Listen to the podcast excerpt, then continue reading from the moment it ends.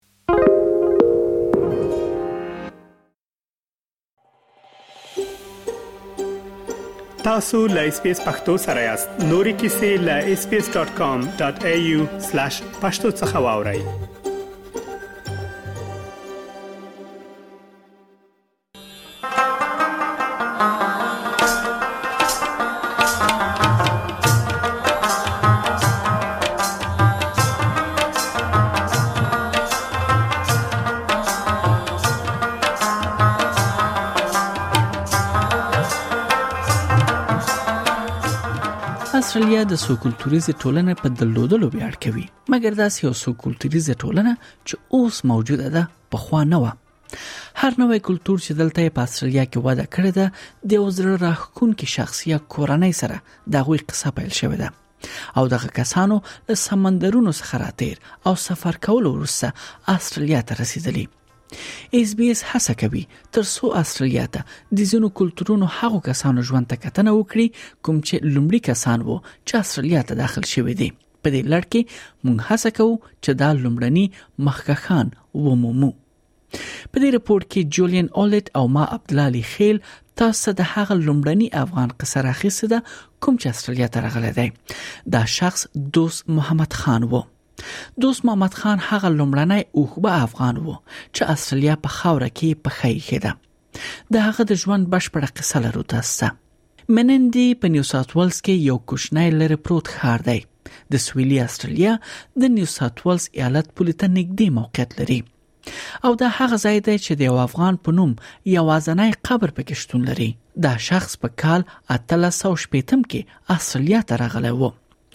دا د دوست محمد قصه ده او دا سبريخي چې استرالیا ته راغلو اوخبه افغانانو څخه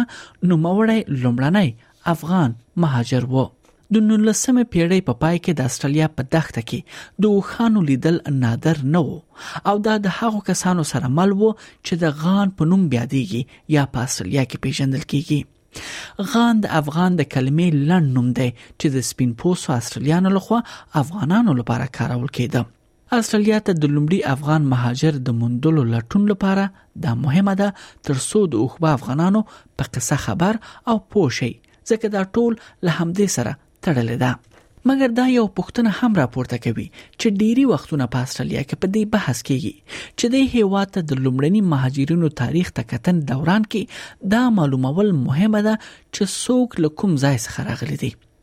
له افغانستان څخه تر ختیځ هند پورې د یوې لوی سیمه خلک بیا هغوی ته مبهم الفاظ کارول شوې دي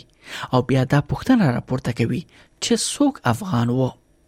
د جیمز کوک پانتون استاد ډاکټر ډیو فونکس د افغان کلمې په اړه داسې تبصره کوي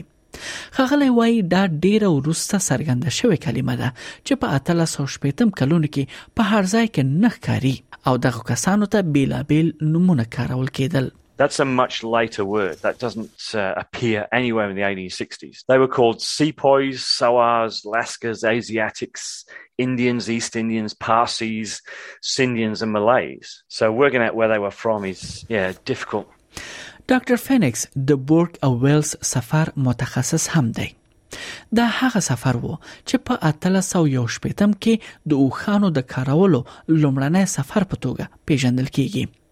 په دې مهم سفر کې دوه کسان ګمارل شوي ول چې یو له دوی څخه لومړنی افغان مهاجر وو او دا دوه کسان بلوچ خان او دوست محمد خان ول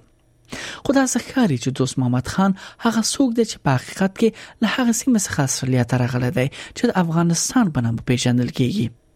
په قرارداد کې دوی خپل نوم او د کوم ځای څخه چې دوی راغلي دي دای لیکل دي دوست محمد وایي چې هغه د ملا زوی دی او د غزنی له ولسوالۍ څخه دی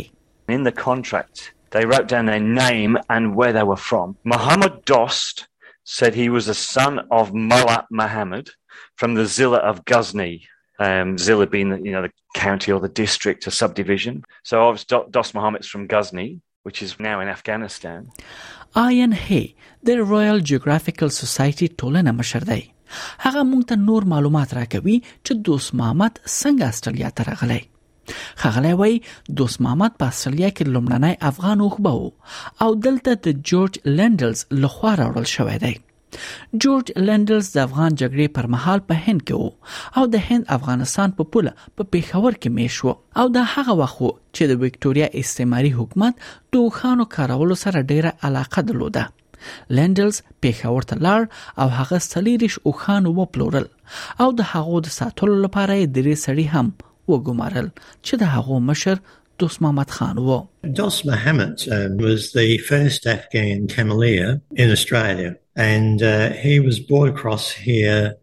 by George Landells. Now, Lord George Landells, uh, he was in India during the Afghan War, and he was based at Peshawar near the Indian-Afghan border. And it was about that time the Victorian colonial government was really interested in um, using camels Landells went to Peshawar and he bought 24 camel- camels and he engaged three men to handle them. And their head man was Dost Muhammad.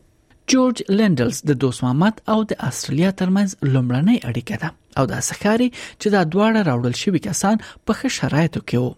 ان هی وای لندلز د یو ښه کریکټر خاوند وو قصه دا سده چې کله لندلز په ملبورن کې سمندري بندر ته راورسید هغه افغاني کالی اغوستي ول او لوخانو سره د ملبورن ښار په کوڅو کې مزل کاوه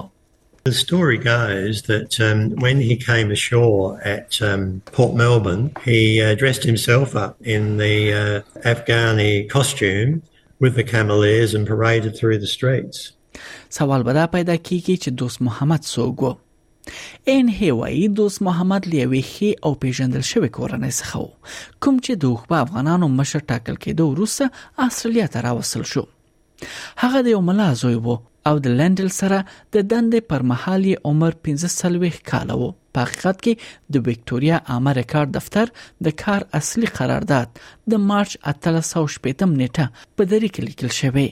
Well, he was the son of a mullah, and at the time of his employment with Landales, he was 45 years old.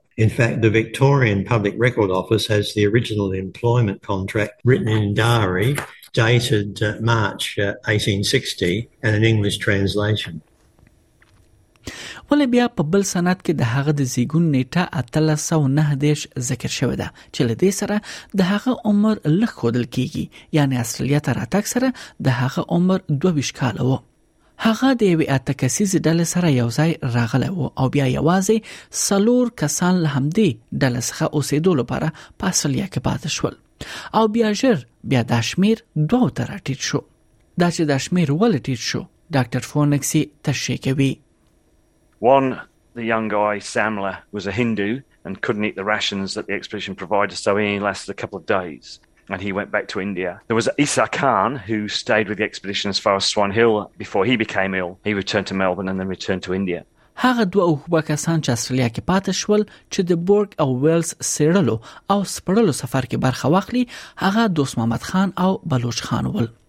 دوست محمد له افغانستان څخه او بیلوچ یا بلوچ له هند او تر پردیش څخه وو ول په زړه پورې دا ده چې د سپړلو یا سیړلو هغه سفر په بریالیتوب تر سره نشو ډاکټر جونو لینن چې استرالیا ملي میوزیم کې کار کوي د هغه سفر په اړه دا سوي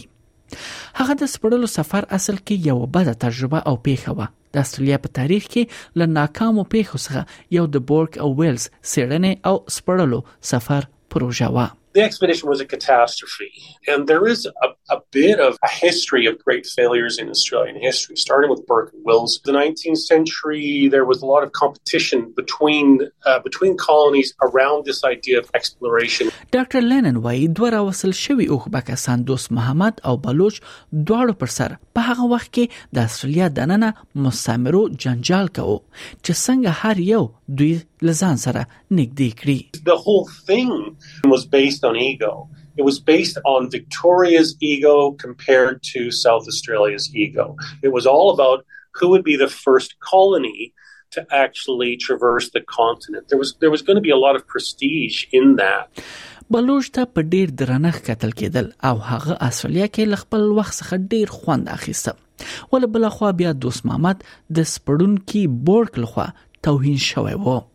بورګ یو اسوار و او لومړیو څخه یې د اوښانو راوړلو نظر نه خوښاوه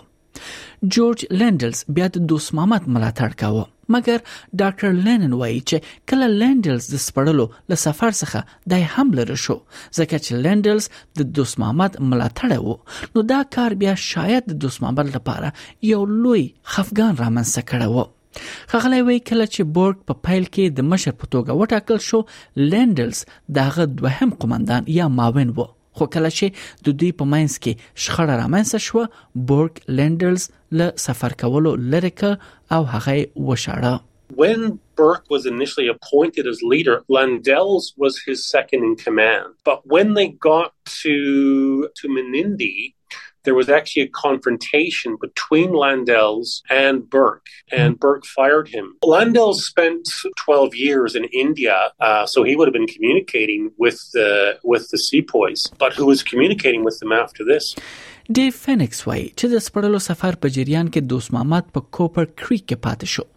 له نور سفر کولو وګرځول شو یعنی منع شو او د هغه پر ځای بل شخص د جان کینګ په نامه د سپړلو او سیړنې دغه مهم سفر چې اوخ سره کېده هغه لپاره وټاکل شو کینګ د اوخانو سره هیڅ تجربه نه درلوده مګر برګ چې د دې سفر مشري کوله دای استدلال کاوه چې هر څوک چې په اس سپور شي هغه کولای شي اوخان هم سنبال کړي Dos Mahomets went the furthest on the expedition with Burke and Wills. He went to Cooper's Creek, but Burke had little time for Dos Mahomet and his expertise with camels. And so when Burke took off to the Gulf of Carpentaria, he put John King in charge of the camels and he left Dos Mahomet behind at the depot camp. They spent a bit over three months during the summer in the heat and the dust and the flies. The doctor Phoenix Poena halted هلته Mahomet دوست محمد لپاره شیان هغه وخت لا ډیر خراب شول کله چې هغه له دې مهم سفر څخه وګرځول شو د یو ډیپو سرپرست په توګه هغه شاته پرې خودل شو او بیا په هغه ځای کې د ویلیام په نامه یو شخص سره شخړه پیل شو دا سخکاری چې ویلیام له دوست محمد خان سره شخړه پیل شوې او پر دوست محمد خان یې ډیر ظلم وکړ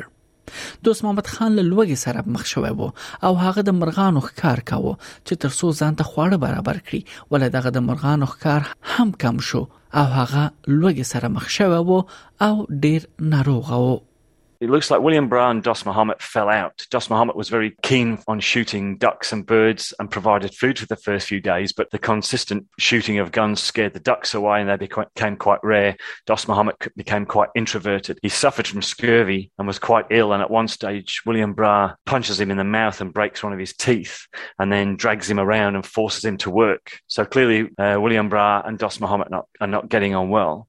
ول په پای کې دوست محمد او ویلیام په یو ګروپ کې دوی وټاکل شول او دوی ملبورن ښار ته اوږد سفر پیل کړ خو د 1922 کال د جنوري په دریمه نیټه په منند کې د اوخ سره یوې پیښې کې دوست محمد معیوب شو تاریخ داسې لیکي چې یو لوی اوخ چې نیرو نومیده دوست محمد یې له لاسه ونیو او هغه په کلکه پس مکه وخه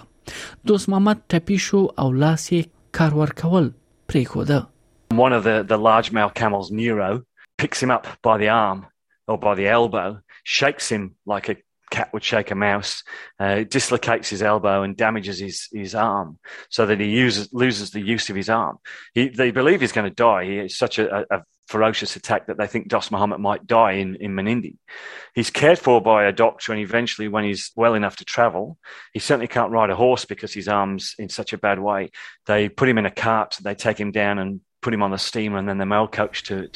دوست محمد چې د ویلز او برګ لخوا په پیل کې د استرالیا سپړلو او سړلو سفر لپاره استرالیا ته راوصل شوی وو له دغه دواړو کسانو څخه د بختور راووت ځکه چې په هغه سفر تللي کسان ټول مړ شول ولې دوست محمد ژوندی پاتې شو بله خوا بلوچ خان چې د دوست محمد ملګری و او اوښبه و هغه هم ژوندی پاتې و او بیا د دوست محمد ملګری و. ډې فینکس داسې نښې هم موندلې دي چې اوښبه بلوچ خان په استرالیا کې واده وکړ او دلته پاتې شو او حتی خپل نوم یې بیلوچ نایټ ته هم بدل کړی و And I have his marriage certificate and, and Dos Muhammad was his was his witness or his best man at the at the wedding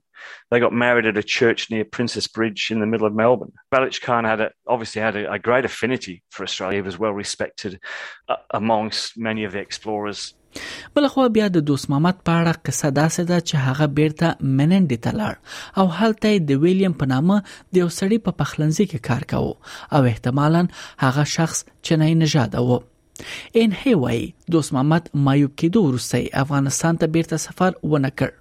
یعنی بیرته سون نشو او استرالیا کې د آرامۍ ژوند غوړه کړ او پاتې شو هغه ته هغه مهال 200 پاونډ تاوان هم ورکړ شوی و He was paid 200 pounds compensation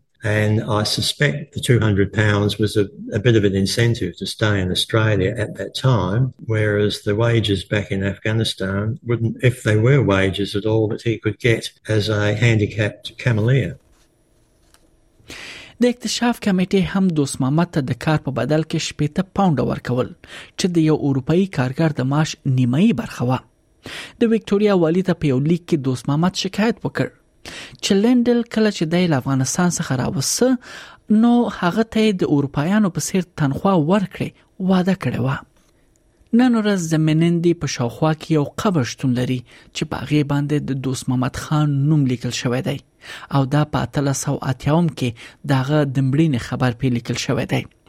دا قبر د یو عرب قبر په نامه هم پیژندل کیږي ول همدې لپاره دا مهمه ده چې په خواني اصطلاحات چې کارول شوې دي هغه باید سم شي او د دوست محمد قبر د لومړني افغان او لومړني اوخبه په نامه باید و پیژندل شي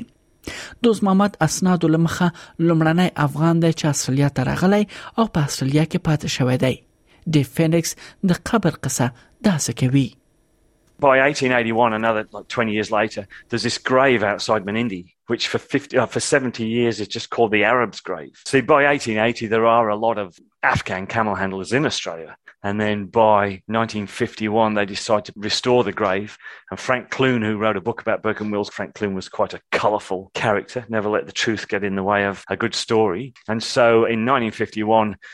when Darling Shire Council restore the grave it suddenly gets the name Dos Muhammad put on it بلخوا ډاکټر فینکس په دې آن دی چې په استرالیا کې د دوست محمد تجربه ډیره خرابه و او کېدای شي هغه غوښتل بیرته کور ته لاړ شي